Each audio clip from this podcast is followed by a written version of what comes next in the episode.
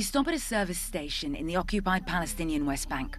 A man in military fatigues demands to check our IDs. Um, I have the right to uh, secure this area and I need to check who you are and what you're doing here. He has no identifying insignia, won't tell us who he is, but he's got a gun. So we oblige. We're confused, and we're not the only ones. CNN obtained this video from inside Hebron, a divided city, filmed a few days after the Hamas October 7 attack.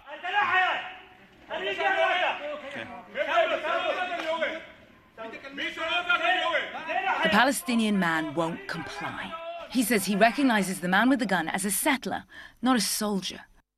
In this tense climate, if a soldier issues an order, you comply. But is everyone with a gun and fatigues a soldier? The West Bank is under Israeli military occupation. It's also believed to be home to almost three quarters of a million settlers, Israeli civilians living in the occupied territories. Settlers consider this part of their biblical homeland and are expanding into Palestinian territories, even though the UN Security Council considers their presence illegal. Yet settlers are integral to Israel's security plan in the occupied territories, as Israel Defense Force reservists and settlement security squads. Responding, the IDF says to security threats in settlements, towns, and villages. Palestinians told CNN they consider armed settlers a greater threat than ever before. Their remit from the IDF is blurring the lines as settlers encroach on Palestinian land. Like here, in the Palestinian village of Tuwani, where there's a settlement at the top of the hill. In this video, you see men in military fatigues. The IDF equips both civilian settler security squads and soldiers in the region. As you can see here, it's almost impossible to differentiate. They point their rifles at residents and then they shoot, according to eyewitnesses. CNN shared the images we gathered in the West Bank with a senior IDF official who was unable to tell us who here is in the IDF and who is not. We asked how then are Palestinians expected to differentiate?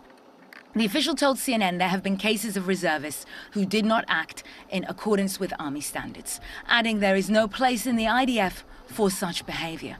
Every case that breaches Army standards will be investigated. Palestinians, the official said, should contact their local brigade. But Palestinian rights activist and local resident Basil Adra says settlers in military fatigues are forcing Palestinians off their land. These settlers and with their guns and they're pointing it to the head of the of the residents and they tell them if you don't leave in 24 hours we will shot you. So the family would understand that they're not playing. It's a serious threat of killing if you don't leave leave your home. That led for like 35 families to leave. And these settlers have been wearing uniform also. Settlers have heavyweight support in Israel's far-right government. Itamar Ben-Gvir, Minister for National Security, settler. After the Hamas October 7 attack, Ben Gvir loosened gun permit regulations, making it easier for tens of thousands of Israeli civilians to bear arms. Bezalel Smotrich, Minister of Finance, settler.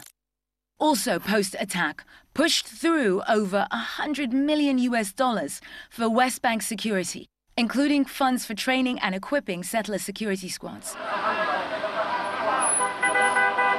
But it's not just arming and equipping. We witnessed firsthand some of the restrictions the IDF impose on Palestinians. Ihtidal's house is not even five minutes away from the other side of this checkpoint, but she can't get through. Every day they tell her to go back, and every day she has to do this extraordinarily long loop to try and get in. She said they are intentionally making it difficult for us, make, making so we have to cross through areas that are hostile to us to get to our homes. Ihtidal picks up a few more things before she sets off home, but not too many. It's a long walk uphill.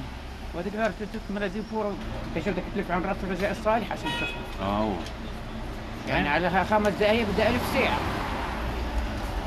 Since the 1990s, the city of Hebron has seen many curfews. The day we visited, there was a curfew in place from 7 p.m. to 7 a.m. Ihtidal has to go through this checkpoint. Palestinians have to be searched. Settlers aren't normally checked. Ihtidal has to walk, settlers can drive. Palestinians need permission for visitors, settlers don't. The IDF says all these measures are in accordance with their security assessments to provide security for all residents. Settlers and Palestinians live side by side, but the rules for each are very different. Faiza and her husband have lived in this house for 14 years. They inherited it from her husband's grandparents. Their house is overlooked by an IDF sentry post, yet they fear for their safety. This scene is so inappropriate and depressing for our home. You can see up here what we've had to put in place to protect ourselves from the settlers. As we leave Faiza's house, we get stopped by an Israeli soldier. He says we're not allowed to walk along the main road. We have to go back to the checkpoint to be searched again because we've been inside a Palestinian home. I, I, would just point out a lack of logic, which is that these Palestinian houses, the Palestinians have come through that checkpoint, so they can't have possibly brought in anything. Uh, sorry, just so I can understand, mm. just just so I can understand, yeah. I'm really confused mm. as usual. So, even though we went through that checkpoint, okay, even though we went through that checkpoint, yeah. because we have been in the house of Palestinians, we now have to go jumping over people's garden walls. So we can't walk on no, the street. We can't no, go straight down. Come back. If you go through the checkpoint and you stay here, it's great. But if as soon as you move from different areas, yes. So you need to get. Now rechecked. do you understand it? Oh. Yes. So we need to get rechecked. So so we're going to the route. That's... Stay for next time. Come on. Oh, okay, okay. Let's Sorry, just go. Thank you. Thank you. We'll Have see you in a bit. Day. See you soon. But we can't get down. The access to the garden is closed. So the path I can see is the other side of that fence, but if you can see one I can't. We can't walk on the street because we've been in a Palestinian house, and now we're deemed a security risk. So we're stuck. Eventually, the soldier has to call into his superior to give us special permission to walk on the main road. Thank you so much. We head out and back through the checkpoint where we're searched again. A tiny glimpse into what Palestinians navigate every day. The UN says that post October 7th, over a thousand Palestinians in the West Bank have been displaced, forced from home by security restrictions and settler violence. The US and UK are now sanctioning extreme settlers, but Palestinians say it's not enough. Not when settlers can cloak themselves in the authority of the Israeli state. Nima Elbagir, CNN, Hebron.